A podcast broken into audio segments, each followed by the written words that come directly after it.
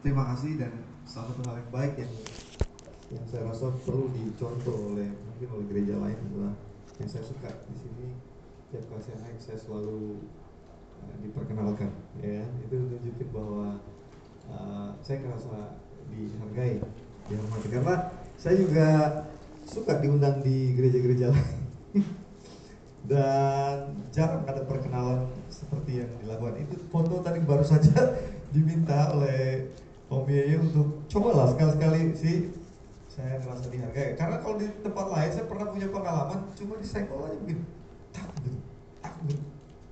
Giliran saya jadi mesti naik ke atas gitu. Tapi kalau di dia kadang-kadang dicolek-colek gitu kan. Nggak tidak ada tapi kalau di sini gembalanya langsung ya saya pastornya langsung yang yang memperkenalkan. Itu sangat baik. Kan dibilang kerendahan hati mendahului hormat kan sebabnya karena saya merasa dihormati saya saya menghormati kembali juga jemaat MBC Bekasi Timur. Terima kasih atas Amen. kehormatan yang sudah diberikan. Ya, oke. um,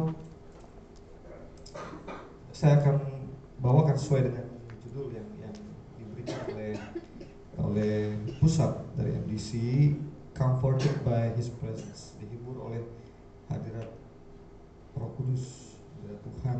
Oke, Um, saya minta kalau bisa Bapak Ibu siapkan catatan sampulkan boleh nggak apa-apa. Supaya karena ada beberapa sudut pandang yang mungkin selama ini kita uh, apalagi di sini saya melihat banyak generasi baby boomers gitu ya. Uh, generasi yang jauh di atas saya jadi mungkin akan sesuatu yang berbeda. Saya ge- generasi X gitu kan. Sementara sekarang katanya udah generasi Z sekarang generasi digital milenial. Bilang gitu nah saya kebetulan juga uh, memimpin komunitas uh, milenial di di gereja kita. Sana saya mau ngomong gereja kan kayaknya gimana. Karena walau bagaimanapun saya half bloodnya itu GKPB jadi intinya kita bilang gereja kita sama-sama lah itu ya. Baiklah dengan demikian kita buka ayat firman Tuhan di Yohanes 14 ayat 26 sampai 27 Comforted by His presence. Saya akan kasih penekanan tiga cara. Ada tiga cara bagaimana Roh Kudus menghibur atau menguatkan kita atau comforting kita. Sesuai dengan temanya comforted by His presence. Saya akan coba tunjukkan kepada anda sedikit demi sedikit tiga cara Roh Kudus menghibur kita. Sehingga kalau kita ngerti caranya kita lebih gampang uh, menikmatinya. Karena kalau kita nggak ngerti cara akan lebih sulit untuk kita bisa menikmati. Saya contoh begini eh, banyak orang atau khususnya perempuan nggak ngerti permain bola itu apa sih sebenarnya sepak bola ya kan? Sehingga tiap kali dia ketemu sama suaminya atau anaknya laki-laki remaja gitu yang nonton bola mereka bertanya-tanya kenapa kamu bisa begitu menikmati permainan sepak bola. Kenapa? Karena kita laki-laki tahu cara bermain bola. Sementara perempuan tidak tahu cara bermain bola sehingga kita nggak menikmati jadinya. Atau benar nggak maksud ngerti maksud saya? Jadi karena saya ngerti main bola caranya main bola tuh kayak apa sehingga waktu saya dikasih bola saya menikmati. Ya kan? Dibanding mereka tidak tahu. Si Everton tadi di sini dia menikmati permainannya saya nggak nggak mungkin bisa menikmati permainannya. Permainan keyboard ini maksud saya. Saya nggak bisa menikmati. Saya nggak bebas untuk main keyboard ini. Kenapa? Karena kebebasan saya ditentukan oleh seberapa dalam saya seberapa mengerti saya cara memainkan ini. Paham maksud saya? Jadi kalau kalau saya nggak ngerti caranya jangan coba-coba pegang ini. Tahu diri lah sedikit gitu maksudnya ya. Jadi jangan jerang jerang jerang sekarang akan mengganggu orang lain nah ada begitu banyak orang nggak mengerti cara kerja Roh Kudus apalagi cara Roh Kudus bekerja sehingga akhirnya mengganggu orang lain. Saya harus menanyakan maksudnya ada orang yang bawa dikit-dikit Roh Kudus ya kan? Roh Kudus bicara sama saya dikit-dikit ngomong Roh Kudus. Kata Roh Kudus kamu berdosa kata sih mereka tidak mengerti cara mainnya sehingga mengganggu telinga. Ya kan? Sehingga kita tidak bisa menikmati bahkan ada begitu banyak orang takut akhirnya dengan Roh Kudus. Roh Kudus dikaitkan dengan hal-hal yang menyeramkan. Jadi musiknya oh, yang si apakah demikian Roh Kudus? Karena ada begitu banyak orang yang tidak mengerti caranya, ya kan? Karena dia nggak ngerti caranya, akhirnya dia nggak bisa menikmati. Dan karena dia nggak bisa menikmati ya orang lain juga terganggu nggak bisa menikmati. Sama juga dengan pernikahan kan? Kita nggak bisa menikmati pernikahan. Levelnya pernikahan kata mentor saya ada dua. Yang pertama uh, bertahan. ada banyak orang menikah di level bertahan katanya, ya kan? Tapi level tertinggi dari pernikahan adalah menikmati pernikahan. Jadi anda sudah menikmati tuh argumentasi yang ada, ya kan? Perbedaannya ada itu udah nggak jadi masalah buat anda itu jadi kenikmatan tersendiri, gitu. Saya pernah lihat contoh di depan mata sendiri, gara-gara diingatkan minum obat saja terjadi perbatasan satu dengan yang lain. Padahal yang yang sudah menikah itu sudah 42 tahun menikah. Tapi ketika ditanya kenapa masih terjadi kayak gitu, apakah udah kayak pengantin baru aja ke kelakuannya gitu? Padahal udah 42 tahun menikah. Tapi argumentasi sama seperti kayak pengantin baru aja. Nah, mereka bilang sama saya begini lah, kami begini ini bukan lagi level di mana kami harus mempertahankan tapi kami sudah level menikmati argumentasi yang ada gitu. Jadi karena mereka tahu caranya menjalani pernikahan gitu ya. Dan begitu juga dengan Kudus. Kita mesti atau hari ini saya akan bagikan tiga cara sehingga kita bisa memahami cara Roh Kudus bekerja dalam kehidupan kita khususnya dalam memberikan penghiburan buat kita. Bagaimana caranya?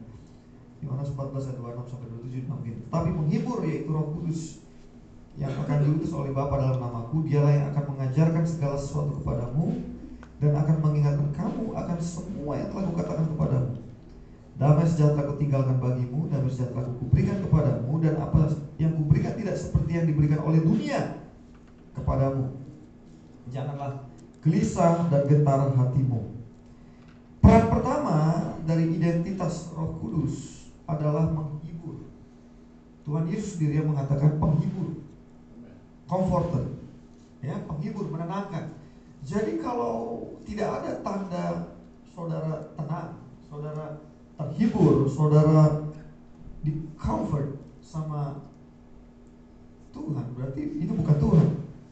Ya, saya akan sampaikan beberapa fakta menarik. Mengapa Tuhan Yesus mengatakan janganlah gelisah dan gentar hatimu dikatakan. Ya kan di Yohanes 14 ayat 27 bagian akhir itu katakan Janganlah gelisah dan gentar hatimu. Karena harus dicatat ini baik-baik. Kalau perlu ada jadikan status uh, Facebook anda hari ini. Kalau kalau anda main Facebook, ya kan. Kalau anda main sosial media, anda bisa jadikan status. Ya, anda bisa foto bersama nanti, tapi jadikan caption ini. Yang pertama sudah mesti kenal dengan tentang Tuhan. Tuhan tidak pernah menginginkan kita bergerak dari kegelisahan dan Tuhan tidak pernah menginginkan kita bergerak mengambil keputusan yang diawali dengan kegelisahan dan kegentaran atau kekhawatiran. Seolah-olah Tuhan mau ngomong begini, jangan pernah mengambil keputusan apa pun ketika kamu lagi gelisah atau lagi gentar atau lagi khawatir. Prinsip pertama yang yang yang mengawali dari tiga cara Roh Kudus adalah Tuhan tidak pernah ingin kita bergerak dalam kegelisahan atau kegentaran. Saya bisa sampaikan kepada Anda ada begitu banyak penelitian secara medis maupun secara psikis terkait dengan pekerjaan saya yang membuktikan bahwa manusia yang gelisah, khawatir dan gentar cenderung tidak bisa berpikir jernih. Dan ketika manusia tidak bisa berpikir jernih, cenderung akan mengambil keputusan yang salah.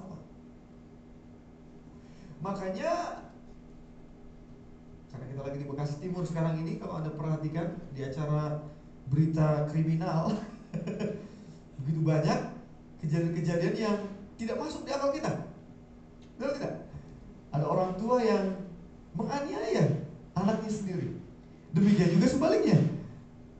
Ada anak yang menganiaya orang tua. Ya kan? Ada banyak tindakan-tindakan yang tidak rasional, tidak masuk di akal kita, tidak jernih. Mengapa? Mungkin karena datangnya dari kegelisahan atau kegetaran. Karena kepepet dia harus terpaksa maling motor. Ya kan? Kenapa dia maling motor? Ditanya karena dia gelisah. Dia harus bayar ini, bayar itu dan lain sebagainya sehingga akhirnya dia tidak ambil pusing dan dilakukan itu dan akhirnya ketahuan dan akhirnya dia malah di, di dihakimi secara massal. Dan begitu banyak orang juga ngambil KTA, kredit tanpa anggunan. Betul tidak? Nyicil sampai 36 kali, ya kan? Sampai 50 kali bahkan.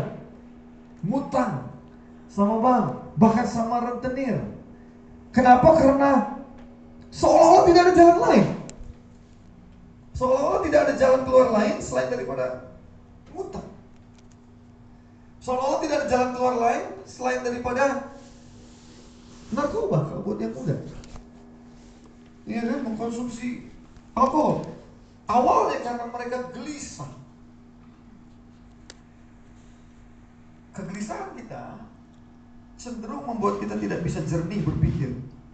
Jadi gentar. Dan yang berikutnya lagi, kenapa Tuhan Yesus nggak mau kita dalam kegelisahan dan kegentaran? Karena dia tahu bahwa manusia cenderung tidak suka bergaul dengan orang yang dikit-dikit gelisah, dikit-dikit khawatir. Siapa di sini yang suka suka bergaul dengan orang? Maksudnya eh, gue senang bergaul sama dia nih. Kenapa? Karena dia dikit-dikit gelisah dikit-dikit khawatir. Gitu ada gitu saudara. Coba lihat dulu sebelah kanan kirinya lihat tampang-tampangnya tampang gelisah atau gentar coba kita lihat dulu. Eh ada gitu ya? Gua, gua lu tau nggak gua senang bergaul sama lu gara-gara apa? Gara-gara lu dikit-dikit gelisah dikit-dikit khawatir ada gitu pernah kita ngomong sama orang kan pernah kita cenderung menjauh kita bahkan cenderung mengasihani dan sholat untuk jadi berkat. Ya kan, kan kita ke gereja tiap hari minggu, kita ikut konser, kita ikut kelas pemuridan kan tujuannya adalah perubahan hidup. Bukan kita semakin banyak tahu mengenai firman Tuhan, tapi buat apa kita semakin banyak tahu firman Tuhan, tapi kalau tidak ada yang berubah dalam hidup kita. Ya. Seharusnya semakin banyak kita tahu firman Tuhan, paling tidak saudara jadi orang yang kegelisahan saudara makin menurun gitu. Ya, Kepanikan saudara makin menurun gitu. Saudara jadi orang berpikir jernih, pakai akal sehat gitu. Saudara tahu orang yang yang gelisah, orang yang nggak berpikir jernih itu kelakuannya kayak apa? Rebutan kalau di tol. Dia bisa main pepet pepet sampai nggak mau kalah gitu. Seolah-olah kayak gara-gara dia kalau kalah dia rebutan di tol itu bisa runtuh dunia ini. Seolah-olah kayak gitu. Ya kan? Seolah-olah kalau jalan itu mesti dia duluan. Si padahal kalau dipikir-pikir berapa, berapa menit bedanya? See, itu karena kegelisahan itu terjadi. Dan Tuhan nggak mau kita bergerak dari area itu.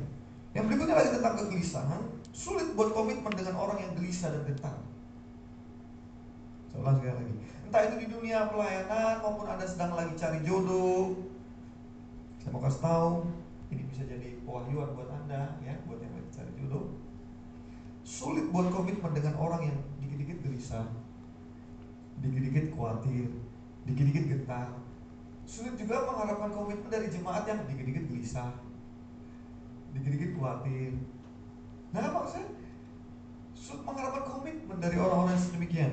Kebanyakan orang yang gelisah yang berikutnya lagi dan yang gentar justru buat keputusan dan kebiasaan yang salah. Itulah alasannya mengapa Tuhan bilang janganlah gelisah dan gentar hatimu sebelum dia naik ke surga. Dia bilang sama murid-muridnya,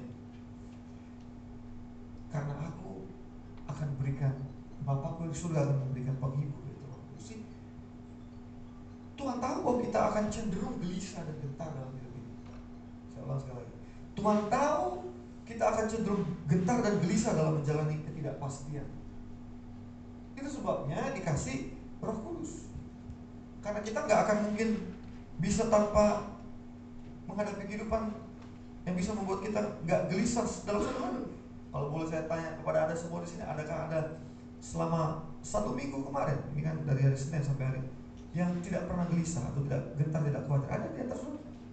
Tidak ada yang angkat. Berarti semuanya pernah mengalami dalam satu minggu ini pasti gentar dan gelisah dan Tuhan bilang Roh Kudus adalah penghibur saat kau gentar dan gelisah. Kita tidak bisa membantu orang yang tidak bisa membantu dirinya kita nggak bisa bantu mengurangi kegelisahan dan kekhawatiran orang yang tidak mau melepaskan kekhawatiran dan kegelisahannya. Oke? Okay? Lawan dari gelisah dan gentar adalah damai sejahtera. Katakan sama-sama. Lawan dari gelisah dan gentar adalah damai sejahtera. Satu, dua, tiga. Lawan dari. Bilang sama sebelah kanan, kiri, depan, belakangnya. Aku ingin melihat damai sejahtera dalam wajah gitu soalnya.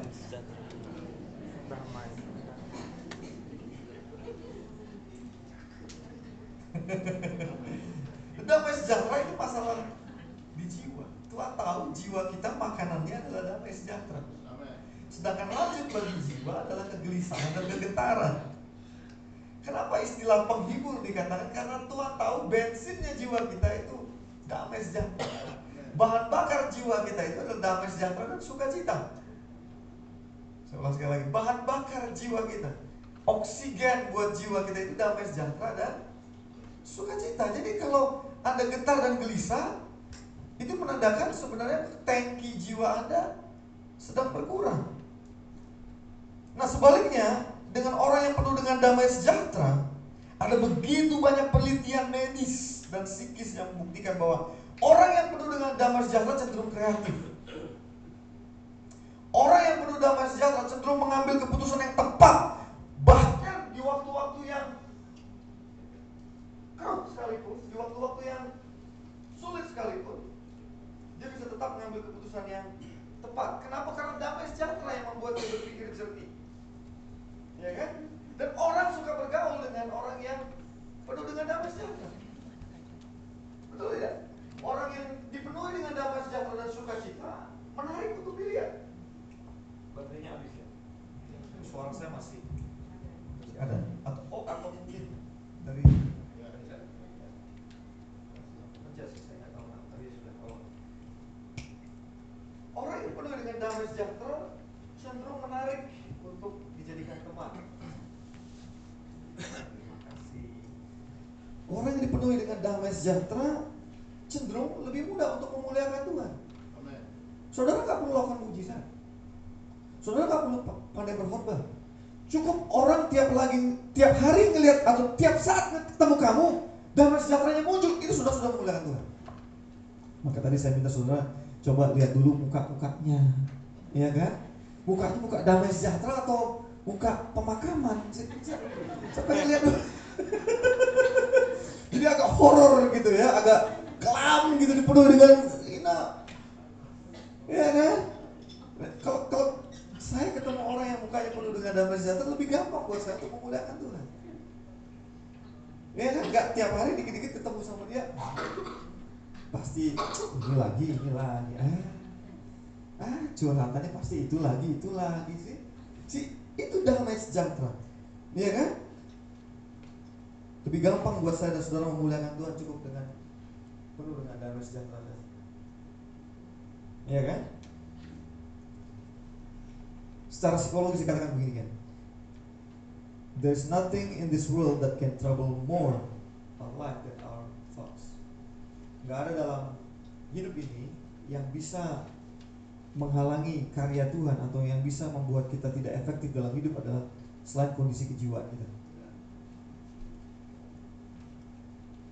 Saya sekali lagi dikatakan tidak ada di dunia ini yang lebih bisa menghalangi roh yang di dalam kita untuk bergerak keluar lewat tubuh kita sebelum dia melewati jiwa. Jiwa adalah penerjemah dari roh yang ada dalam kita sebelum dia keluar. Saya kasih tahu ya, spirit itu gudangnya atau tempatnya direction, arahan, petunjuk. Itu dari spirit.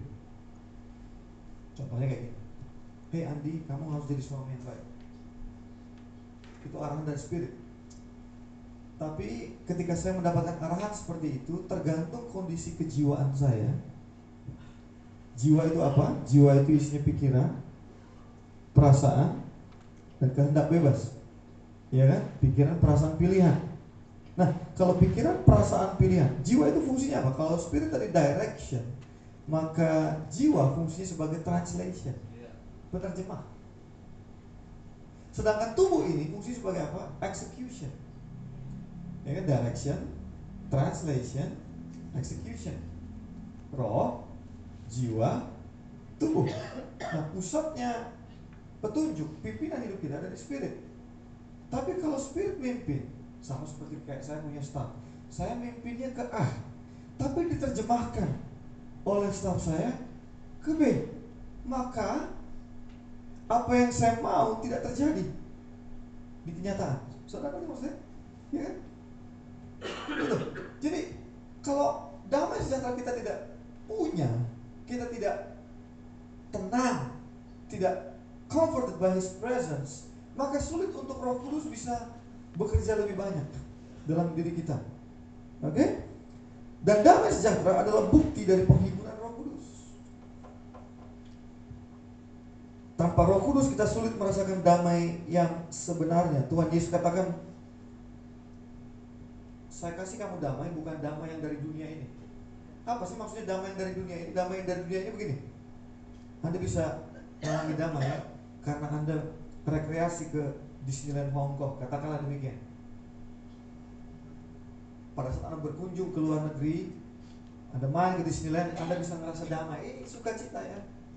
Nah itu damai dari dunia. Anda hanya bisa merasakan damai kalau Anda pergi ke sana.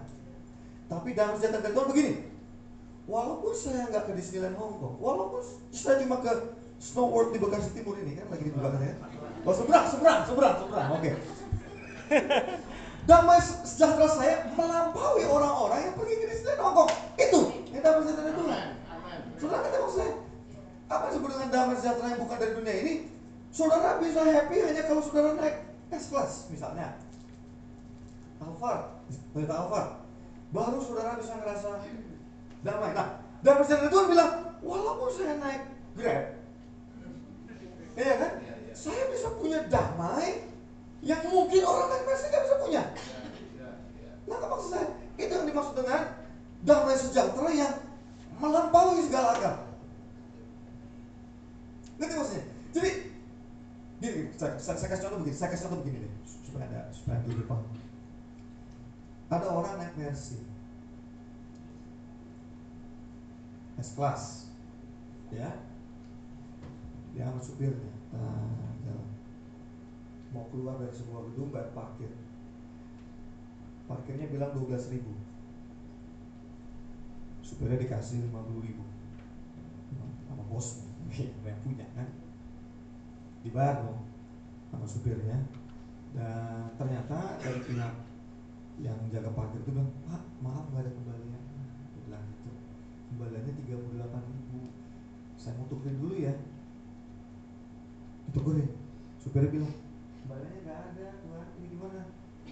Dibilang tungguin tungguin.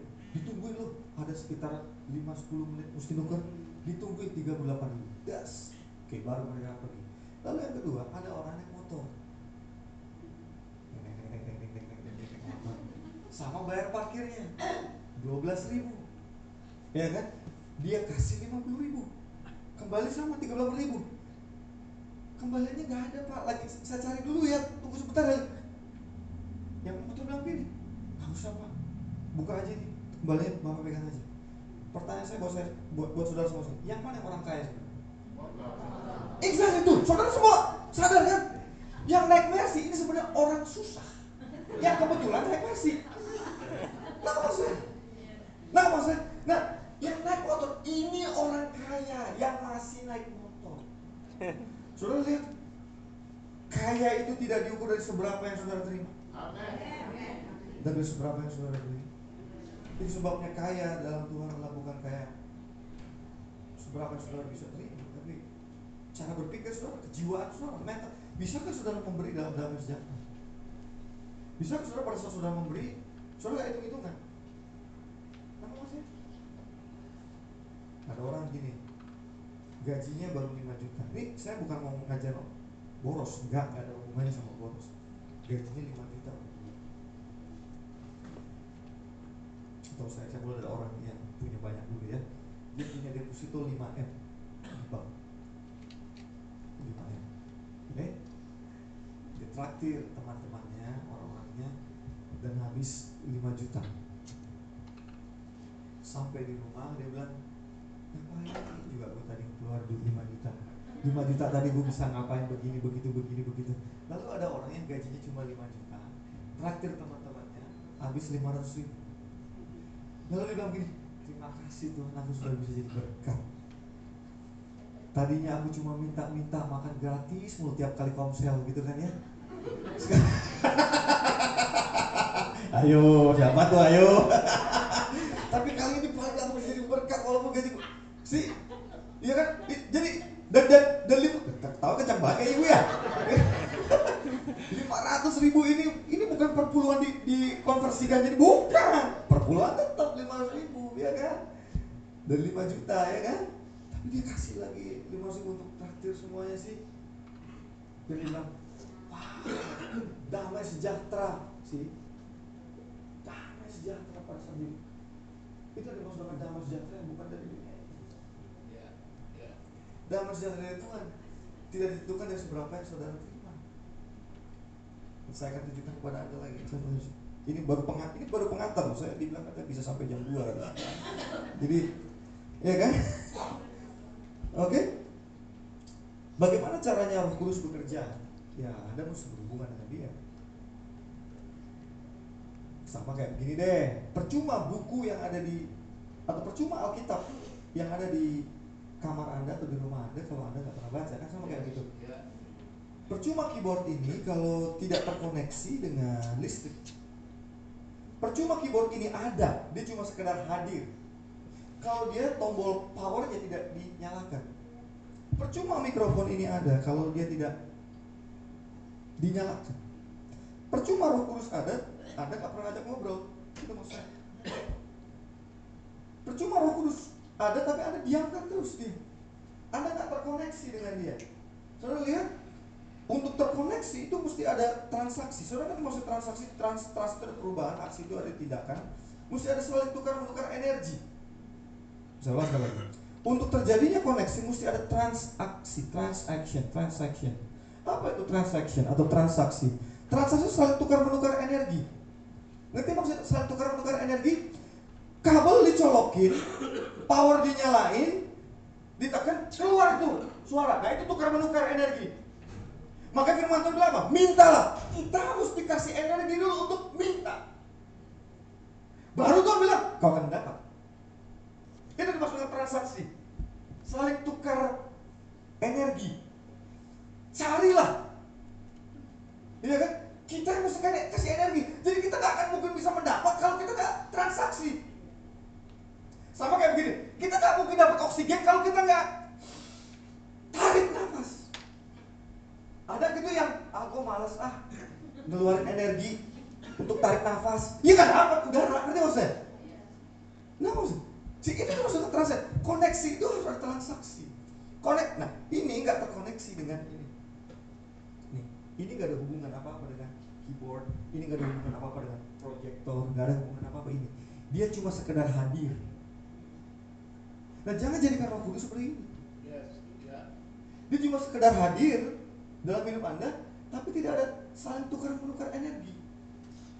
Kamu yang harus mendekat panggil dia. Dan ini yang saya, saya, saya mesti ingatkan baik-baik roh kudus gak bisa bekerja kalau ada dosa. Firman Tuhan bilang bukan aku jauh bukan tanganku kurang panjang tapi karena dosa. Jadi sama seperti kayak gini deh. Keyboard ini nggak bisa berfungsi dengan baik kalau saya nggak akan lakukan ini om ya tenang aja. Kalau misalnya saya siram di darah dosa nah saya kalau saya siram ini selesai sudah sama seperti Roh Kudus nggak akan mungkin bisa bantu saudara kalau ada pengganggu sinyal. Tapi dia tetap hadir. Dia tidak pernah meninggalkan dan itu jadi kan sudah dimeteraikan oleh Roh Kudus. Dia cuma sekedar hadir. Tidak memberikan energi apa-apa karena kamu pun tidak berikan energi kepada dia. Kamu tidak berupaya mendekat kepada dia. Makanya ada ibadah harian ini kita lagi transaksi di sini lagi saling tukar menukar energi di sini. Kalau kamu nggak mau menghampiri dia tiap pagi, jangan harap. Sama kayak tadi tarik nafas tadi. Kamu pengen oksigen ya, tarik nafas. Lu nggak mau oksigen, ya berhenti bernafas. Ada gitu di sini ngambek sama oksigen. Tapi ada begitu banyak orang ngambek sama rambut. Ngambek sama Tuhan. Dipikir dia bisa damai sejahtera sama Kita yang mesti hisap baru menikmati damai. Itu yang dimaksud dengan koneksi. Ketika terkoneksi, nah baru saya ngomong tiga cara Ketika sudah terkoneksi, nah ini tanda-tandanya tiga cara yang biasa dilakukan Roh Kudus. Ya, tadi anda sudah lihat di benang merahnya ya, jalan ceritanya sudah jelas ya. Ketika saudara sudah transaksi dengan Roh Kudus, sudah menghirup Roh Kudus, kan adalah berhembus lah ya. Ngapain berhembus kalau sudah gak. Dia, saya bisa pastikan dia hadir dalam hidup. Bahkan pada saat kau lagi sendirian kau nangis, menangisi segala kehidupan dia hadir. Cuma karena mungkin ada dosa, belum ditinggalkan, maka kau seolah-olah berpikir bahwa Tuhan meninggalkan. No, kamu cuma putus hubungan sama seperti sinyal handphone saya yang kadang-kadang di daerah tertentu hilang sinyal.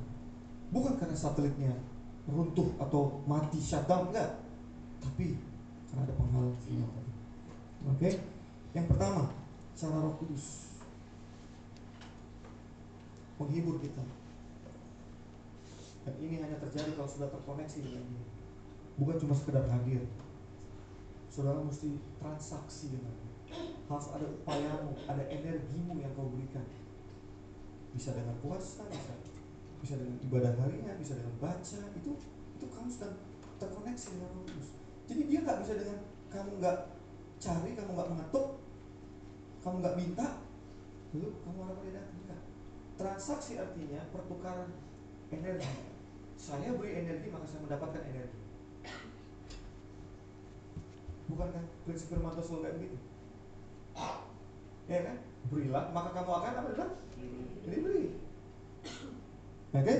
cara pertama Roh Kudus dari tiga cara yang saya share. Setelah ini saya selesai. Roh Kudus mengajarkan dan mengingatkan firman Tuhan selalu. Ingat, mengajarkan dan mengingatkan. Jadi cara kerja Roh Kudus memberikan damai sejahtera dengan mengingatkan saudara untuk fokus pada firman Tuhan. Seolah-olah Roh Kudus ingin ngomong begini, use all your energy not to worry, but use all your energy to believe in my words. Pimpinan Roh Kudus selalu akan menggiring saudara pada percaya pada firman Tuhan. Jadi kalau saudara ragu akan firman Tuhan itu bukan dari Roh. Itu dari dirimu sendiri. Tapi kalau dari Roh Kudus selalu ada dorongan dalam bentuk damai sejahtera, saudara diingatkan akan firman Tuhan. Entah itu saudara teringatkan akan sebuah ayat atau bisa juga kejadian kayak saya. Saya teringat akan khotbah-khotbah tertentu. Saya diingatkan, oh, Pastor X bilang begini, Pastor Y bilang begini, Pastor Z bilang begini, dan lain. Saya teringat, teringat akan tiba-tiba ada, ada cuplikan gambar di kepala saya mengenai sebuah buku yang dulu saya pernah baca. Bahkan, bahkan, bahkan, bahkan ada orang yang pernah ngomong sama saya begini. Tahu nggak? Pada saat gue lagi ngadepin ini, gue ingat omongan lo waktu di Dayton. Di Dayton itu di konser gue inget banget omongan lo lo ngomong begini sih dan saya bilang itu fokus dia dia bisa pakai apa saja yang bisa sama kayak film Bumblebee bisa soalnya udah, udah nonton film Bumblebee saya tahu di sini pasti nggak ada yang nonton Bumblebee oke okay? tahu Bumblebee kalau Bumblebee itu mesti ngomong dia pakai potongan-potongan dari lagu-lagu atau dari untuk segala sesuatu dipakai untuk bisa berkomunikasi dengan anda nah ini susah kan kayaknya Warga nggak tahu Bumblebee di sini, nggak tahu Om Ye, Om Ye. Mega makasih Om ya. Tongkrongan Om Ye itu biasa itu. Berapa kali saya ketemu gitu. Kapan kita bisa join lah ya. Nah, begitu dia akan bisa pakai potongan-potongan. Khotbah dari sini, di buku sini, diingatkan kejadian-kejadian kesaksian di uh, kesan saudara. Pembicaraan pada saat kesan, oh iya kemarin kesan lagi bahas itu ya sih, bisa diingatkan itu. Ya, makanya di eh, 2 Korintus 1 ayat 3 sampai 6 bilang gini. Terpujilah Allah Bapa Tuhan kita. 2 Korintus 1 ayat 3 sampai 6. Tuhan kita Yesus Kristus Bapa yang penuh belas kasihan dan Allah sumber segala penghiburan yang menghibur kami dalam segala penderitaan kami sehingga kami sanggup menghibur mereka yang berada dalam bermacam-macam penderitaan dengan penghiburan yang kami terima sendiri dari Allah. Sebab sama seperti kami mendapat bagian berlimpah-limpah dalam kesalahan Kristus, demikian pula Kristus Demikian pula oleh Kristus kami menerima penghiburan berlimpah-limpah. Jika kami menderita, hal itu menjadi penghiburan dan keselamatan kamu. Jika kami dihibur oleh siapa? Oleh Roh Kudus. Maka hal itu adalah untuk penghiburan kamu. Sehingga kamu beroleh kekuatan untuk dengan sabar menderita kesengsaraan yang sama seperti yang kami derita juga. Sekali lagi, sebagai penutup ada tiga cara Roh Kudus menghibur kita. Yang pertama adalah Roh Kudus mengajarkan dan mengingatkan firman Tuhan. Jadi kalau saudara mengingat mengingat-ingat kesalahan orang itu bukan dari Roh Kudus. Salah sekali lagi. Kalau saudara mengingat-ingat kesalahan orang itu bukan dari Kudus. Kalau saudara mengingat-ingat sehingga saudara akhirnya jadi marah, jadi cemburu, jadi iri, jadi kehilangan damai sejahtera, that's not from the Holy Spirit. Sederhana itu aja, karena dia hanya akan mengingatkan firman Tuhan. Dia akan mengingatkan kamu bahwa kamu harus mengampuni. Memang agak susah, saya tahu. Ada orang jengkelin, ada orang yang aduh Tuhan, sih saya tadi lewat sini aja, berangkat pagi aja, dia nyenggol spion saya bengkok. Dan dia yang merasa benar. Sih, kalau saudara nggak punya damai sejahtera Tuhan, saudara bisa berhenti mobil, apalagi saya ya. Termasuk orang yang ampernya belum, you know, orang karo pada biasanya ya kan. Ih, anak ini deh, tapi kayak gitu orang karo biasanya ngomong kayak gitu kan ya. Bisa berhenti dulu dan turun dulu dan kita selesaikan dulu. Secara kekaruan itu maksudnya ya. Bukan kekristenan tapi karena ada damai sejahtera dan sukacita gitu dan dan dilindungi hati hati saya sehingga saya saya enggak saya bisa sekali panik gampang kan saya bisa panik kalau karena bukan salah saya. Ya kan? Sih hari Jumat yang lalu di komsel kami lagi bahas ini bagaimana kita menghormati orang yang tidak pantas untuk dihormati? Kita berbuat baik sama orang yang baik sama kita easy. Tapi berbuat baik sama orang yang nggak baik sama kita. Butuh damai sejahtera yang melampaui segala akal untuk saudara bisa kalau nggak sudah nggak bisa. Ya cara kedua yang, yang, yang Tuhan lakukan untuk memberikan damai di kita memberikan comfort di dalam diri kita adalah diberikan penghiburan yang berlimpah jadi tangki penghiburanmu tangki damai sejahtera kudu penuh karena kalau nggak penuh ya saudara mau kasih penghiburan ke yang lain gimana kan? Kita nggak bisa memberi apa yang kita nggak punya kan? Betul nggak? Jadi tangki kita mesti penuh, tangki damai sejahtera kita mesti penuh. Jadi maksudnya begini, Roh Kudus akan berikan penghiburan dan bukan penghiburan cuma sedikit-sedikit, tapi sampai penuh melimpah. Katakan dia tadi. Itu yang kedua. Dan yang ketiga, tiga cara Roh Kudus untuk memberikan damai sejahtera. Yang pertama tadi apa? Mengajarkan dan mengingatkan firman firman Tuhan. Yang kedua apa? melimpah, berikan penghiburan yang melimpah. Roh Kudus selalu kasih yang melimpah, dia nggak mau kasih yang kecil-kecil gitu ya. Yang ketiga adalah Roh Kudus menghibur kita untuk kita mampu hidup seimbang. Apa maksudnya hidup seimbang? 1 Tesalonika 5 ayat 23 dikatakan begini, Semoga Allah damai sejahtera menguduskan kamu seluruhnya. Semoga roh, jiwa dan tubuhmu terpelihara sempurna dengan tak bercacat pada kedatangan jadi kalau tanda orang dihibur sama Roh Kudus, dia bisa tahu bahwa damai sejahtera ini ada tujuannya. Nah, apa? Damai sejahtera ini bukan cuma sekedar untuk dinikmati, tapi untuk dibagikan. Iya kan? Hidup seimbang artinya begini. Saya secara roh dipenuhi dengan damai sejahtera, secara secara jiwa saya dipenuhi dengan damai sejahtera, dan secara tubuh saya dipenuhi dengan damai sejahtera. One direction, bukan nama band ini. One direction. Iya kan? Dari roh damai sejahtera, dari jiwa damai sejahtera, dari tubuh juga kelihatan damai sejahtera. Jadi kalau dari tubuhnya nggak kelihatan damai sejahtera, itu karena dari jiwanya tidak ada damai sejahtera dan karena rohnya juga tidak tidak dengan damai sejahtera. Sesimpel itu aja. Kenapa ada orang yang kelakuannya beringas? Karena jiwanya beringas. Saya, saya kasih tahu sama saudara, ini, ini saya tutup dengan ini. Orang yang terluka, sakit hati, kecenderungannya akan menyakitin dan melukai orang lain. Karena kalau ngeri ya dari wajah-wajahnya udah ngangguk Kalau saya penuh dengan damai sejahtera, maka di mana pun saya berada, saya akan berikan damai sejahtera. Karena itu yang ada bersama saya. Tapi kalau saya penuh dengan dendam, hubungan saya tidak baik dengan orang tua, hubungan saya tidak baik, maka itu pula yang akan keluar mulut kita juga isinya itu yang keluar. Gitu. Itu yang dimaksud roh, jiwa tubuh terpelihara dalam satu direction, satu satu standar yang sama. Gitu. Begitulah cara Roh Kudus memberikan penghiburan bagi kita. Dengan cara apa? Bahwa oke okay, Tuhan, damai ini bukan hanya untuk dinikmati tapi untuk dibagikan. Ya gimana saya mau bagikan kalau jiwa saya masih penuh dengan iri hati, masih penuh dengan sakit hati. Ya kan? Orang yang luka di dalam belum sembuh, maka cenderung ingin melukai orang lain. Tapi orang yang sembuh di dalam, menyenangkan di dalam, kecenderungannya akan menyembuhkan orang lain. Jadi pertanyaannya buat orang yang menjengkelkan, dan saya tahu di tiap kesan itu pasti ada orang-orang seperti itu. Di tiap gereja pasti ada orang-orang, bukan di tiap gereja, tiap kantor, tiap hubungan kita pasti ada istilahnya the good, the bad, and the ugly. Kan istilahnya kayak gitu kan? Ada orang baiknya, ada orang ya orang yang the bad. Tapi ada orang yang di luar jangkauan pemikiran kita. You know?